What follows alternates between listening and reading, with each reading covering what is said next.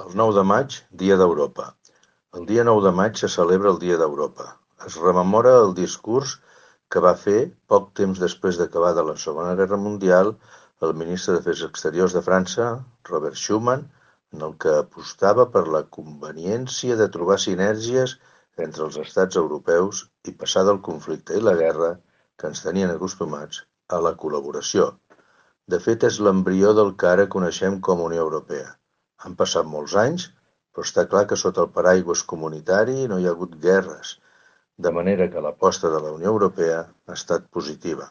En aquest sentit, i també en molts d'altres, com el dels valors de la Unió Europea, entre els que destaca el respecte a la dignitat humana, a la llibertat, a la democràcia, a la igualtat, a l'estat de dret i als drets humans i de les minories.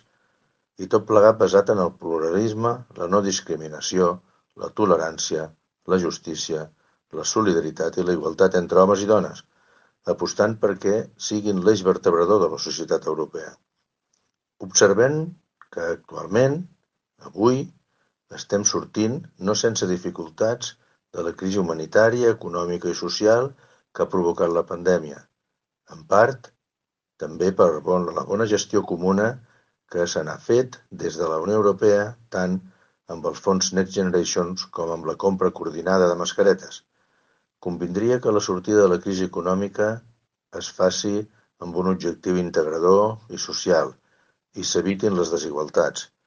També que es trobés solució a la guerra d'Ucraïna. El respecte per les persones refugiades i immigrades és bàsic per la integració i la convivència i també ho és la igualtat de gènere en i que aquesta sigui una prioritat real. Convindria que la Unió Europea lideri la lluita contra el canvi climàtic. També que la Unió Europea sigui exemple de tolerància i de respecte de les realitats nacionals, col·lectives i individuals que la composen.